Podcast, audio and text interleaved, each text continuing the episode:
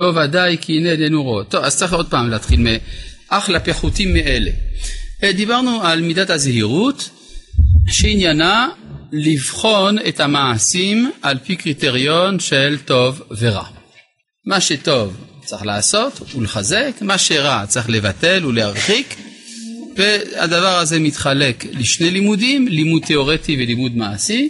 הלימוד התיאורטי שזה אדם צריך ללמוד מהו הטוב ומהו הרע, והמעשי, אדם צריך לבדוק את המעשים של עצמו אם הם טובים או רעים. בסדר? אבל מה מעורר אותי לעסוק בכל העניין הזה? למה שאני אבדוק מה טוב ומה רע? ואז זה תלוי לפי אה, המעלה שלי. יש בעצם שלוש מדרגות. שלמי הדעת והפחותים מהם והפחותים מהפחותים.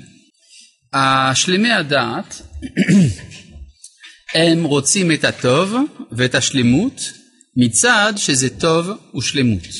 כלומר, הטוב הוא טוב מצד עצמו, ולכן ראוי לחשוף אליו. זאת המעלה של שלמי הדעת. המעלה של הפחותים מהם, וזה מה שהתחלנו ללמוד בפעם הקודמת, זה אלה שמבקשים כבוד ושכר.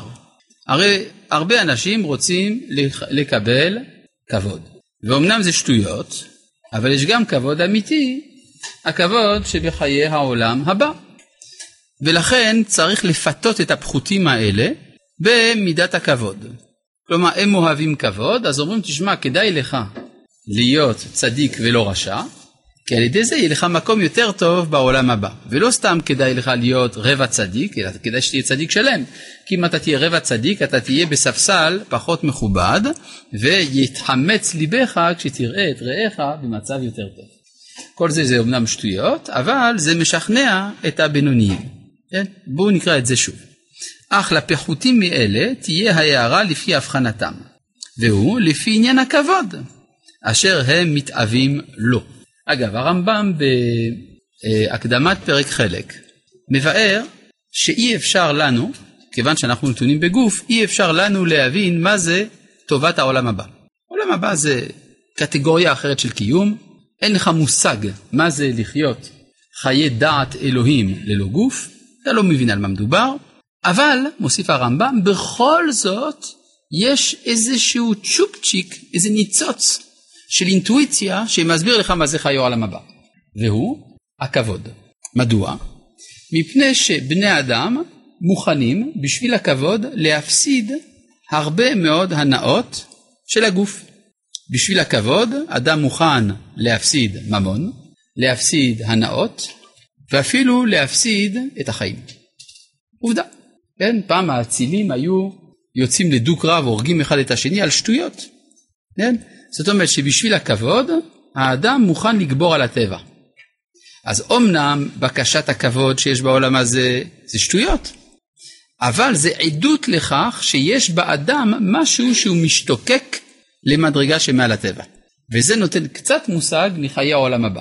יש איזה יחס בין הכבוד לבין העולם הבא, כך אומר הרמב"ם.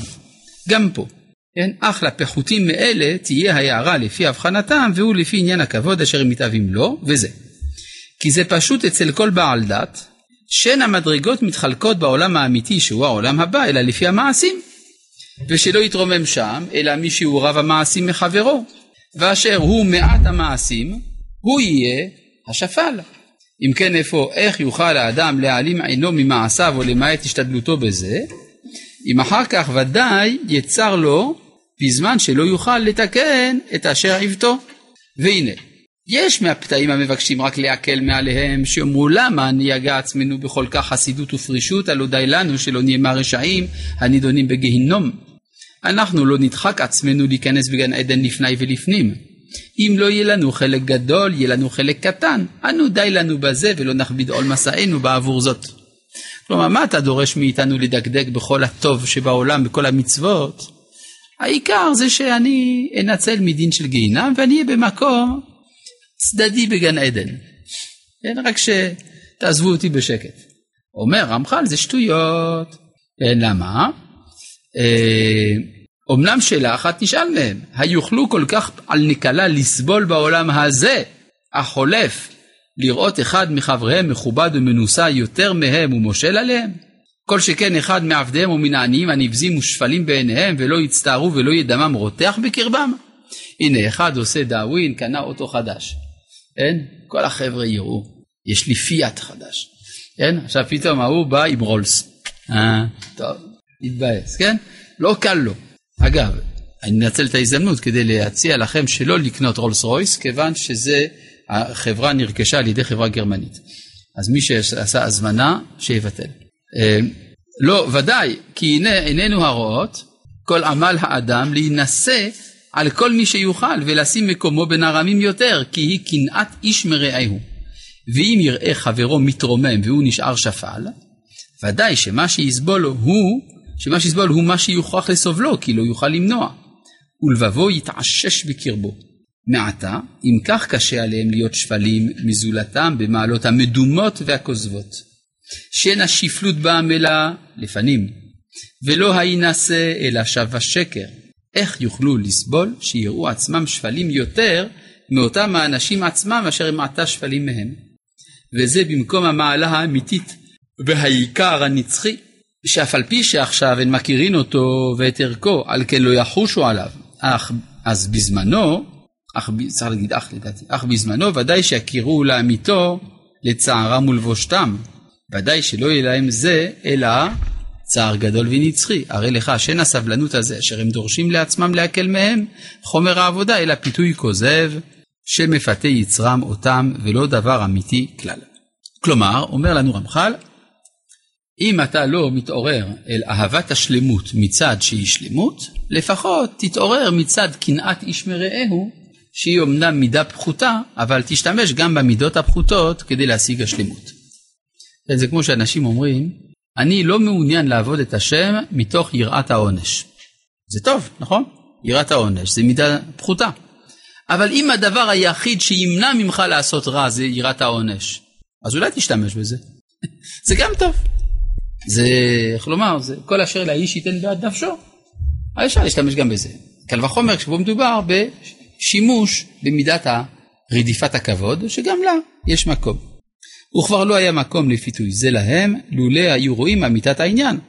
אבל לפי שאין מבקשים אותו והולכים ושוגים לרצונם, הנה לא יוסר מהם פיתוים עד הזמן אשר לא יועיל להם, כי לא יהיה עוד בידם לתקן את אשר שחטו, והוא מה שאמר שלמה המלך עליו השלום, כל אשר תמצא ידך לעשות, בכוחך עשה. כי אין מעשה וחשבון ודעת וחוכמה בשאול אשר אתה הולך שמה. כלומר, העולם הזה הוא הזמן של הבחירה החופשית ובקניין הזכות, לעומת העולם הבא שהוא מקום שבו העבודה הזאת נפסקת. והיינו, כי מה שאין האדם עושה עד שהכוח מסור בידו מבוראו, הוא הכוח הבכירי המסור לו כל ימי חייו, שהוא בהם בכירי ומצווה לעשות. הנה לא יוכל לעשותו עוד בקבר ובשאול, שאין הכוח הזה עוד בידו. כי מי שלא הרבה מעשים טובים בחייו, אי אפשר לו לעשותם אחרי כן. ומי שלא חישב חשבון מעשיו, לא יהיה לו זמן לחשבו אז. ומי שלא יתחכם בעולם הזה, לא יתחכם בקבר. וזהו שאמר כי אין מעשה וחשבון ודעת וחוכמה בשאול אשר אתה הולך שמה. עד כאן ההערה השנייה, הערה במובן של התעוררות. מה דוחף אותי לבקש את הטוב ולא את הרע, לפי הבינונים זה בקשת המעלה. עד כאן ברור? כן. יש יותר פחות מזה. סליחה, גם הפחותים וגם הבינוניים, שניהם אינטרסנטים. אלא שהאינטרס הוא או בפלוס או במינוס. הפח... הבינוניים הם מעוניינים ברווח, הם רוצים שכר. והפחותים הם מפחדים להישרף. האם עדיף להיות בינוני או פחות? לא יודע. יש... אתה צודק, לא, זה בינוני בגלל שזה מתקרב לאהבת השלמות. זה הכוונה, מצד זה. יכול להיות שיש מעלה לפעמים דווקא במי שירא יראת העונש מאשר בבינוני. זה אני מקבל את זה, בהחלט נכון. בואו נראה את ההערה השלישית בכל זאת. אך ההערה לכל ההמון היא בעניין השכר והעונש עצמם, לראות עומק הדין עד היכן מגיע, אשר באמת ראוי להזדעזע ולהתחרט תמיד, כי מי יעמוד ביום הדין, ומי יצדק לפני בוראו? באשר השקפתו מדוקדקת על כל דבר קטן או גדול. וכן אמרו זיכרונם לברכה, הוא מגיד לאדם מסכו, אפילו שיחה קלה שבין איש לאשתו, מגידים לו לאדם בשעת הדין. כלומר, לכל דבר ודבר, האדם נידון. זה טוב או זה רע? זה טוב שאדם נידון על כל דבר, כי זה סימן שכל דבר שאני עושה יש לו משמעות. היינו מתארים לעצמנו שיש מעשים שאני עושה ואני לא נידון עליהם. אז היה אומר שהמעשים האלה חסרי משמעות. זה הנורא. אז אשרינו שאנחנו נידונים על כל פיפס. ולכן גדולי האומה הרי הם נידונים על דברים יותר דקים, נכון? הקדוש ברוך הוא מדקדק עם סביביו כחוט השערה. אנשים שהם לא גדולים הם נידונים רק על דברים גסים, כן? עשית טוב או עשית רע בגדול. אצל הצדיקים מדקדקים על פיפס קטן, זה יותר, זה יותר טוב, זה סימן שיש יותר משמעות למעשים שלו. עד כאן ברור? טוב, בואו נמשיך. עוד אמרו, הנה הוא מביא. וסביביו נסערה מאוד, מלמד שהקדוש ברוך הוא מדקדק עם חסידיו כחוט השערה. אה, יש פה שאלה. אבל הרמב"ם כותב בספר המצוות במצוות היראה, שמצוות היראה היא יראת העונש, ואדם חייב תמיד להיות במצב הזה. הבנתם את השאלה? הבנת את השאלה? אני חוזר על השאלה. אמרנו שיראת העונש, אמרנו שיראת העונש זאת מידה נמוכה. איך אני יכול להגיד דבר כזה? הרי הרמב"ם בספר המצוות כתב שיש מצווה של יראת השם, ושמצוות יראת השם היא כוללת להתיירא מעונשו של הבורא. אם כן, אם אני לא ביראת העונש, אז אני לא מקיים מצוות יראה. עד כאן השאלה של השואל. זו השאלה ברורה עכשיו? אני אחזור על המילים, ואז נראה אם הבנתי נכון את השואל. אבל הרמב"ם כותב בספר המצוות במצוות היראה, שמצוות היראה היא יראת העונש, ואדם חייב תמיד להיות במצב הזה. אז איך אני מגנה את יראת העונש? הנה הרמב"ם כתב שזה אחת מתרי"ג מצוות לירה מן העונש. השאלה ברורה? כן, השאלה ברורה? השאלה ברורה? השאלה ברורה? טוב, אז אני אתן תשובה. הרמב"ם מעולם לא כתב שאני חייב להיות ביראה מן העונש. הרמב"ם כתב שיש מצווה ליראה את השם, ואחד מן האופנים לקיים את המצווה הזאת זה לירה מן העונש. והראיה שאני צודק, שהרי במשנה תורה, בהלכות יסודי התורה, כשהרמב"ם כותב על מצוות יראת השם, הוא לא מזכיר בכלל את יראת העונש, אלא את ההתפעלות מן הגודל של הבריאה. לזה הוא קורא יראה. אז צריך להחליט. אם זה כזה מצווה, כזאת מצווה מתמדת לירה מן העונש, למה הרמב"ם העלים את זה ממני במשנה תורה? אלא שכנראה הרמב"ם סובר שהמצווה איננה ליראה דווקא באופן זה או באופן זה, העיקר ליראה. ויש מי שהיראה שלו היא על ידי ההתפעלות מן הקוסמוס, ויש מי שהיראה שלו היא על ידי פחד להישרף בגיהינם. בשניהם הוא קיים מצוות היראה. שאם לא כן, הרמב"ם היה כותב את מה שכתב בספר המצוות, היה כותבו גם במשנה תורה. כן, בבקשה. אתה מדבר בסדר הפדגוגי, שאדם מתחיל מיראת העונש. כן, אבל המעולה, אני מסכים, אבל האנשים שכבר הגיעו להיות שלמי הדעת, הם עדיין יראים מן העונש או לא? השאלה אם עדיין הם יראים. השאלה אם זה גורם להם זעזוע ובגלל זה הם נמנעים מלעשות את הרע. הם נמנעים מלעשות את הרע רק בגלל העונש שעלול להיות על זה? האם... יש שם מימד מסוים של העירה שגם זה גורם להם, אבל בוודאי שלא רק. אבל הרמב"ם לא כתב את זה, מה נעשה? יכול להיות, ודאי שיכול להיות שנשארת איזושהי מולקולה של יראת העונש. יכול להיות. גם הרב קוק כותב באגרות ראייה שאסור לשלמי הדעת להרבות ביראת העונש, זה אסור. כי אם כדי לזעזע את הנטיות הנמוכות של נפש האדם. כלומר צריך לפעמים קצת איזושהי מולקולה של יראת העונש. אתה רוצה...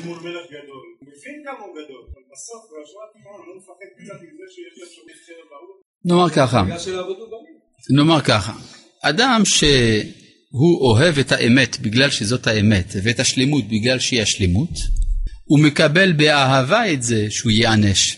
הוא מרוצה מזה שהוא נענש. כלומר זה כבר לא מפחיד אותו. הוא אוהב את העונש כי הוא יודע שהעונש מתקן.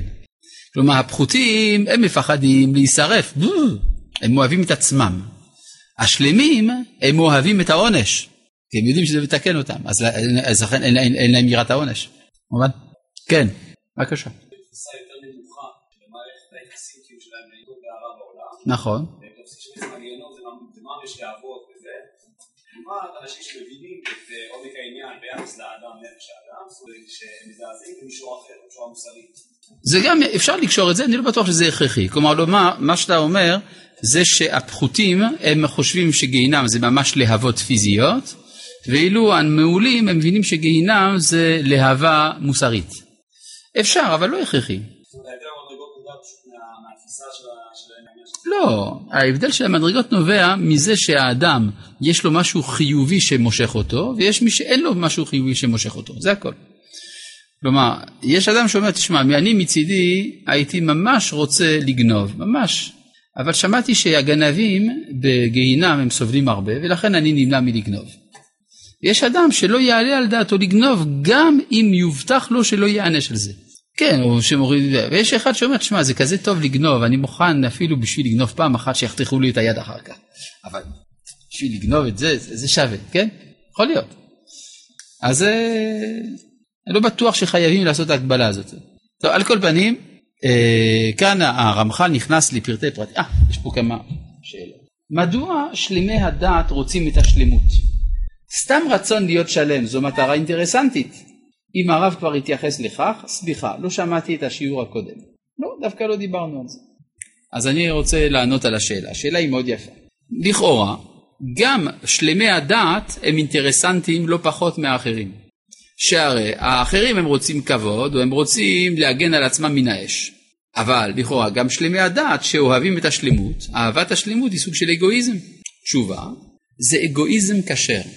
כלומר, ההנאה, השמחה שיש למבקש השלמות בהשגת השלמות איננה אגואיזם אה, מגונה. האגואיזם המגונה זה שהאדם יש לו אהבת עצמו. מה שאין כן מי שיש לו אהבת השלמות, אז אהבת עצמו היא בעצמה חלק מדרישת השלמות. זה כבר לא בגלל שזה עצמו. כן? אני רוצה להסביר, להביא כאן סיפור שהבאתי אותו מספר פעמים, ותסלח לי אם כבר שמעת אותו, אבל זה טוב שלפעמים חוזרים על דברים. יש הסיפור המפורסם על אותה אישה שהלכה לרבי זושה כי היא רצתה שייוולד לה בן. מכירים את הסיפור? נכון. מכיר את הסיפור? מכיר את הסיפור? אתה מכיר. אה, טוב, יש כמה שמכירים, אבל זה לא יעזור להם, אני אספר בכל זאת. יש איזו אישה אחת הלכה לרב זושה. אמרה לו, רבה, תתפלל עליי שייוולד לי בן. מה עושה רב זושה? מתפלל עבור שפרינצה בסגיטל שתזכה לבן. האמת היא ששפרינצה בסגיטל זה רק לדוגמה, לשם ההמחשה. אבל זה יכול להיות, אה, זה יכול להיות גם אה, פרחה בצעדה, זה אותו דבר, גם טוב. על כל פנים, הוא התחיל להתפלל שייוולד לבן. ותוך כדי התפילה, הוא שומע קול מן השמיים שאומר לו, זושה, אל תתפלל כי אני לא רוצה שיהיה לה בן. ואז מה עושה רב זושה? ממשיך להתפלל כמובן, ואז הוא שומע קול מהשמיים שאומר לו, זושה, אם תמשיך להתפלל יהיה לה בן, אבל לך לא יהיה עולם הבא. אומר רב זושה, פס, איזה יופי. אני סוף סוף אוכל להיות ליבוביצ'יאני אמיתי. אני אוכל לעבוד את השם, לקיים את המצוות, לא על מנת לקבל שכר. אני לא אהיה אגואיסט, אני אהיה אידיאליסט. ואז הוא שומע קול מהשמיים שאומר לו, זושה, אם תמשיך להתפלל, יהיה לה בן, ואת העולם הבא שלך תקבל בכל זאת. איום, כן? מה עשה רב זושה? המשיך להתפלל. מדוע? בגלל שהוא הבין שבאיזשהו מקום זה גם חטא לא, לא לרצות את העולם הבא שלו. הוא אמנם היה צריך לעבור איזה שלב של מוכנות לעבוד את השם ללא כל שכר. אבל זה לא מנומס. הקדוש ברוך הוא רוצה לתת לך את העולם הבא, אתה לא מקבל? לא יפה. אז תקבל את העולם הבא לשם שמיים. ואז זה מפסיק להיות אגואיסטי. זאת התביעה של שלמי הדעת. כן, יפה מאוד, אני מקבל. אתה אומר ששלמות הדעת זה הולך בד בבד עם ענווה, כי הוא לא רוצה את טובת עצמו, נכון. אמת. טוב, שאלה הבאה. אבל זה לשונו, כאן ציטוט של הרמב"ם עוד פעם. היא הציווי שנצטווינו להאמין ביראתו, יתעלה ובמוראו, ובל נהיה שאננים ובוטחים, אלא נחוש לביאת עונשו יתברך בכל עת. אם הרם היה סובר שיראת העונש היא יראת רוממות, הוא היה כותב גם אותה. הרמב"ם לא סובר שיראת העונש היא יראת הרוממות, אלא הוא חושב שיראת העונש היא דרך קיום היראה. וזה שמנין לי שהוא חושב שגם יראת הרוממות היא היראה, כי את זה הוא כותב במפורש במשנה תורה. הוא כלל גדול נקוט בידינו. מה שהרמב"ם סובר להלכה, הוא כותב במשנה תורה. ומה שהרמב"ם כותב בספר המצוות, זה רק סימנים בעלמא ללומד, כדי שידע מהן המצוות. אבל אי אפשר ללמוד הלכה מספר המצוות. יש ללמוד הלכה מהמשנה תורה. זה כמו שמישהו הקשה קושייה, דווקא מישהו עוד היום שאל אותי את השאלה הזאת, אבל זו שאלה מפורסמת. איך אפשר להגיד שלפי הרמב"ם יש, מלח... יש מלחמת מצווה בימינו, והלא הרמב"ם בעצמו כתב בספר המצוות שאין לנו עניין עם מלחמות כל זמן שאין לנו מלך ואורים ותומים. ומאחר ואין בימינו אורים ותומים, אז אם כן לפי הרמב"ם אין היתר לצאת למלחמה. עד כאן דברי המקשים. ואני מקשה על המקשים, אם באמת הרמב"ם מתכוון לזה, אז למה הוא לא כתב את זה בהלכות מלכים? הרמב"ם צריך לכתוב בהלכות מלכים שאם אין אורים ותומים אסור לצאת למלחמה. אלא מה? מה שכתב הרמב"ם בספר המצוות זה על דרך הכלל שאין לנו כעת בזמן הגלות במצרים איפה שהרמב"ם היה אין לנו מקום למלחמות כי אין לנו לא מלך ולא אורים ותומים ולא תהיה מלחמה אלא במלך ואורים ותומים מה זאת אומרת? זה המצב הרגיל האידיאלי אבל פרטי הפרטים של זה הרמב"ם לא נכנס לזה אלא בספר משנה תורה וזה כלל גדול לכל לומדי הרמב"ם שידעו לעשות הבחנה בין הרמב"ם במשנה תורה לבין הרמב"ם בספר המצוות והרמב"ם בפירוש המשנה. טוב, אה, גם פירוש המשנה זה לא דעת הרמב"ם הסופית, אלא זה מה שהוא כתב בצעירותו, והוא חזר בו אחר כך מהרבה דברים. הוא כותב את זה בעצמו באיגרת, הוא אומר מה שכתבתי בפירוש המשנה זה כשהייתי, אה, שהלכתי לפי הפסקים של אלה שקדמו לי, עדיין לא הייתה לי דעה משלי. ברגע שאני החלטתי מהי דעתי, כתבתי אותה ממשנה תורה. לכן אם אתה רואה סתירה בין פירוש המשנה לבין המשנה תורה, אתה יודע שהלכה כמו המשנה תורה. זהו. כן. תחילת הפיתוי של הרמח"ל לגבי הבינוניים דווקא נראה לי צריך להיות הפוך. נראה לי השכר והעונש הרבה יותר מפחיד אנשים בינוניים יש להם טיפה שכל שהם חושבים מאשר העניין של הקנאה של הכבוד. זה נראה לי הרבה יותר אה, פחות אה, לא הבנתי. הפחותים הפחותים השלישית הקטגוריה כן, השלישית. הפחותים שזה ההמון אז כן. הרמח"ל אומר שמה ששכנע אותם אה, מדרכם הרעה זה העניין של השכר והעונש. נכון. והבינוניים שזה אמורים להיות דווקא אנשים מעלה טיפה יותר גבוהה כמו כן. שהרב אמר הכבוד זה מה שמניע אותם זה נשמע נכון.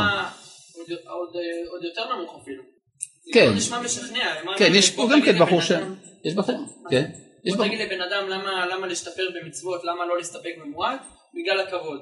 זה לא משכנע, זה לא נשמע טוב אתה היית מסדר את השלישי לפני השני נכון? בתור התחלה, וגם אם לא, טוב אני לא נגד זה גם יש פה מישהו גם כן שהציע את זה לפני כן אמרתי שיש צד כזה וצד כזה גם לא בטוח שרמח"ל יקפיד אם אנחנו נחליף שתיים בשלוש בשלוש ושתיים כן אלא מה יש רק בעיה אחת שאם אתה שם את השני אחרי השלישי אז הוא כבר לא שני אבל אה, זה אוקיי. נגיד בסדר ואיך זה משכנע העניין של הכבוד, באמת. זה לא, לא נשמע כמו... העניין של הכ- תחילת פיתוי. למה? יש אנשים שכל מה שהם רוצים בחיים שלהם זה כבוד. אז זה ברור שזה חשוב להם להיות במקום טוב בעולם הבא. מה? מה? אולי אפשר להציע שזה, הבינוני הוא, כבר יש לו מגמה חיובית, שאיזשהו מבין שהוא רוצה משהו בעולם, הוא רוצה את העולם הבא מצד עצמו, אה. הוא רק אומר אני רוצה חלק קטן, אז אומרים אתה צריך, הבן אדם כזה הוא צריך איזושהי תמונת מראה כדי להבין למה הוא בעצם לא רוצה חלק, הוא רוצה באמת חלק גדול, אבל איך הוא יבין את זה? מצד עצמו הוא לא יבין את זה, ואם הוא מסתכל על החבר והוא רואה מה זה החלק הגדול, הוא כן, אז הוא אומר- אתה אומר שהבינוני יש לו מעלה שלפחות הוא רוצה משהו חיובי. גם החבר משמש כאיזושהי מראה של מה השאיפה שלך האמיתית, אתה אולי לא מודע לזה. אוקיי, מאה אחוז. כן, מה? מתוך שלא לשמה בא לשמה. נכון, אדם הוא עובד שלא לשמה. כן, ודאי. אפשר מתוך השני והשלישי להגיע, נו זה מה שאמרת, מתוך שלא לשמה בא לשמה. תשאל עוד פעם עכשיו? טוב, הלאה. אז כאן יש לנו רשימה. אמר הרמח"ל כאן נכנס לפרטים, הוא מביא לנו רשימה של גדולי האומה שחטאו חטא קל. ושהייתה הקפדה גדולה עליהם. כלומר, הוא אומר את זה כדי להדגים את זה שהקדוש ברוך הוא מדקדק עם סביביו. יש לנו, כן הוא מביא דוגמאות מתקופת התנ"ך, האמת היא שמהתקופה שאחרי התנ"ך יש לנו הרבה מאוד סיפורים על גדולי האומה שבשביל דבר קל אה, חטפו, כמו שאומרים. שלום עליך כבוד הרב, הייתכן עבודת השם השלמה שאין נבואה והכל אימון בכאילו קופסאות שימורים ללא עוצמת חיים. נכון, אתה צודק. עבודת השם היא לא שלמה היום. הלאה. שלום הרב, למה הרב מתכוון בדיוק באומרו מלך, ולמה הרב מתכוון בדיוק באומרו אורים ותומים? מלך זה אדם שעומד בראש הפירמידה השלטונית, ואורים ותומים זה דרך לדעת את רצון השם על ידי פנייה אל הכהן הגדול, שמסתכל ברוח קודשו על האותיות הבולטות בחושן. למשל, המלך רוצה לדעת האם לעלות למלחמה נגד פלוני או לא. אז אם הקדוש ברוך הוא מעוניין, אז פתאום הכהן הגדול מסתכל בחושן ורואה את האותיות עין, למד, ה', מהבהבות. אז הוא יודע, עלה. ואם הקדוש ברוך הוא ממליץ למלך לא לעלות, אז יהיה כתוב למד, א', לא. זה אורים ותומים. יש כמה דעות, איך האורים ותומים זה עובד, יש איזה חמש-שש דעות, איך בדיוק היו עושים את זה. טוב, כשזה יחזור נדע. אז בואו נחזור לדוגמאות מגדולי האומה שעשו פשלות, אבל נראה שזה פשלות דקות. הנה, אברהם.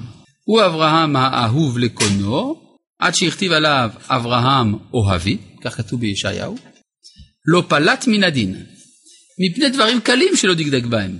על שאמר במה אדע, אמר לו הקדוש ברוך הוא, חייך, ידוע תדע, היגר יהיה זרעך, על שכרת ברית עם אבימלך בלא ציוו של מקום, אמר לו הקדוש ברוך הוא, חייך שאני משהה משמחת בניך שבעה דורות. טוב, צריך להבין קצת את הדברים האלה. מה, מה זה הסיפור הזה שאברהם אומר במה אדע, ובגלל זה נגזר על בניו אה, גלות. הרי הקדוש ברוך הוא אומר לאברהם, אני, הש... אני השם אשר הוצאתיך מאור כסדים, לתת לך את הארץ הזאת לרשתה. ויאמר אברהם, ויאמר אברהם, השם אלוהים במה אדע כי יירשנה? במה אדע כי יירשנה? מה אברהם שואל? איך אני יודע שזה נכון? זה יכול להיות תמוה מאוד. איך יכול להיות שנביא בשעת נבואתו, כשהקדוש ברוך הוא אומר לו משהו, הוא אומר לקדוש ברוך הוא ומניין שזה נכון, סתם זה לא, לא מסתדר לוגית, כן? הקדוש ברוך הוא אומר לך שזה נכון ואתה שואל איך אני יודע? סתם לא מובן. דבר נוסף, גם לא מובן אה, אה, ביחס לדמות של אברהם, שהוא הרי אבי המאמינים. אז שהוא יהיה לו ספק באמונה, גם זה לא מובן, גם בלי קשר לנבואה. אה, יש פה משהו לא, לא מובן בכלל. כן? אלא ברור, תודה רבה ניסים, אלא ברור שמה שמדובר כאן זה לא שיש לאברהם ספק, כי זה פשוט הסיטואציה לא מתאימה לספק, אלא זה ביטוי של ענווה. במה אדע כי ירשנה. כן? במה אני ראוי לדבר הזה? או, מה שכנראה יותר עמוק, אברהם שאל מדוע זה צודק. הקדוש ברוך הוא אומר לו, אתה מקבל את ארץ ישראל, אתה וזרעך. הוא אומר, ולמה? בזכות מה? זה הרי הקדוש ברוך הוא לא הסביר לו בזכות מה. כן, זה נשמע לכאורה גזעני, למה להעדיף דווקא את זרע אברהם על פני מישהו אחר? או, ואז הקדוש ברוך הוא צריך להסביר לו, והקדוש ברוך הוא מסביר לו אגב, מסביר לו דברים עמוקים מאוד. כשאנחנו נלמד את בספר בראשית בפרשת לך לך, אנחנו נבין מה התשובה של הקדוש ברוך הוא, מה הקדוש ברוך הוא הסביר לו. אבל אה, בסוף יש, אה, זה מגיע ל... ויאמר אל אברהם, ידוע תדע כי גר יהיה זרעך בארץ לא להם, ועבדום ועינו אותם ארבע מאות שנה. וגם את הגוי אשר יעבודו, דן אנוכי, ואחרי כן יצאו ברכוש גדול, ואתה תבוא אל אבותיך בשלום, תיקבר בשיבה טובה. ודור רביעי ישובו הנה, כי לא שלם עוון האמורי עד הנה. ביום ההוא קראת השם את אברהם ברית לאמור לזרעך נתתי את הארץ הזאת. אם נקבל כפשוטו מה שכתוב במדרש שאברהם נענש, בעצם מי, מי קיבל את העונש? הילדים שלו. מה קרה לו? ואתה תבוא אל אבותיך בשלום תיקבר בשיבה טובה. אז הוא, נגיד בסדר, אדם מצטער על זה שבניו יסבלו, אבל יש הבדל בין צער עקיף לבין צער ישיר. הצער הישיר הוא על בניו, לא עליו. אז בכלל לא מובן כל הסיפור הזה של הוא נענש על זה שהוא אמר במה ידע. אלא צריך להבין את זה אחרת. כשאברהם אומר במה אדע כי ירשנה, זה ביטוי של ענווה או של בקשת ידיעת האמת. אבל השאלה הזאת, כיוון שהיא נשאלה על ידי אברהם, עתידה להישאל גם על ידי בניו. וכאשר הבנים ישאלו את זה, זה יהיה באמת חוסר אמונה. ולכן מגיע להם העונש של שעבוד מצרים. יוצא לפי זה שדבר שהוא שורש לחסרון אמונה אצל אברהם, הופך להיות פרץ גדול באמונה אצל בניו. ולכן מדקדקים איתו הרבה. כי הוא שורש כל הדורות. כן, אני אסביר לך משהו. כשאברהם שואל, זה לפני שהוא קיבל תשובה. טבע הדברים. ברגע שהתשובה ניתנה, וברור מהי הזכות, אף על פי כן אני שואל, זה כבר חוסר אמונה. אתה מבין מה שאני אומר? כלומר, יש שאלות שנשאלות פעם ראשונה בהיסטוריה. הלו, אני מדבר איתך. יש שאלות שנשאלות פעם ראשונה בהיסטוריה. כל שאלה שנשאלת בפעם הראשונה בהיסטוריה היא לגיטימית. ברגע שהיא נשאלת פעם שנייה היא כפירה. כי הרי כבר ניתנה התשובה. אתה מבין? כן, אבל הספק היה לגיטימי. זה לא ספק של חסרון אמונה, זה ספק אמיתי. הקדוש ברוך הוא אומר לו, אני נותן לך את הארץ, אברהם אומר, אני רוצה להבין למה. כן? זה, זה סוג של ספק אינטלקטואלי, אבל זה לא שהוא לא מאמין לקדוש ברוך הוא. לא, אחרי שניתנה התשובה, אז יש תשובה, כי היא כתובה בתורה. אבל אם למרות שניתנה התשובה יש עדיין שאלה, זה כבר כפירה. אותו דבר למשל מצאנו בשרה אימנו, כן? שרה שואלת שאלה לכאורה כפרנית לחלוטין. היא אומרת, מה, אני יכולה ללדת? הקדוש ברוך הוא הבטיח, אני יכולה ללדת, אני זקנה. ואז הקדוש ברוך הוא אומר לאברהם, אה, למה היא צוחקת? מה, אני לא יכול? היד השם תקצר? היפלא מהשם דבר? אה, למועד אשוב אליך. עכשיו, אני לא מבין. שרה אימנו, היא שואלת, האם הקדוש ברוך הוא יכול לעשות ניסים? מה התשובה?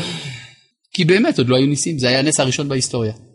כיוון שזה היה הנס הראשון בהיסטוריה, הייתה לה סברה בהחלט נכונה לומר שהנס הוא בלתי אפשרי. אבל אחרי שהיו ניסים, מי שיאמר הקדוש ברוך הוא לא עושה ניסים, הוא אפיקורוס. זה הכל, פשוט מאוד. טוב, אה, זה כבר ראינו, בסדר. טוב, אה, זה לגבי הקושייה הראשונה של אברהם. דבר שני שהוא אמר, על שכרת ברית עם אבימלך בלא ציוויו של מקום. מה זה הייתה הברית הזאת עם אבימלך? אה? הסכם שלום. הסכם שלום, נכון, מה היה שם? באים אה, אבימלך ופיכול שר צבע עור, באים אל אברהם ואומרים לו, אלוהים ממך בכל אשר אתה עושה. ועתה נכרתה ברית ביני וביניך, אם תשקור לי ולניני ולנכדי, כחסד אשר עשיתי עמך תעשה עמדי ועם הארץ אשר גרת בה. קודם כל, איך אבימלך מציג את עצמו? בתור אדוני הארץ, ואומר לאברהם, תשמע, אני עשיתי עמך חסד, אני סבלתי אותך פה, הסכמתי שתהיה פה, אז בוא נעשה שלום. עכשיו, מה אברהם היה צריך לענות לו? זה לא שום חסד, זה הקדוש ברוך הוא נתן לי, מה אתה בכלל מתווכח? אני עושה איתך חסד שאתה פה. מה עושה אברהם? הוא שומע שאב, שאבימלך מוכן לעשות שלום. מה התגובה המיידית של אברהם? ויאמר אברהם, אנוכי אישבע. מסכים. קודם כל הוא מסכים. אחר כך הוא נזכר שיש כמה סוגיות שלא סגורות. והוכיח אברהם את אבימלך על אודות הבאר אשר גזלו עבדי אבימלך. כלומר אבימלך הזה הוא לא אדם נקי, עבדיו גזלו את הבאר. ויאמר אבימלך לא ידעתי מי עשה את התפר הזה וגם אתה לא הגדת לי. הוא פונה לפיחול, כן? ראש המנגנון המסכל, הוא אומר לו גם אתה לא הגדת לי. מה עונה פיחול? וגם אנוכי לא ידעתי בלתי היום. בקיצור, כולם רמאים שם. מה עושה אברהם? הוא אומר, טוב, צריך לקדם את התהליך. ויקח אברהם צאן ובקר, וייתן לאבימלך. כלומר, צריך לעשות מחווה. נכון, הם קצת בעייתיים, אבל נעשה מחוות, נקדם את התהליך.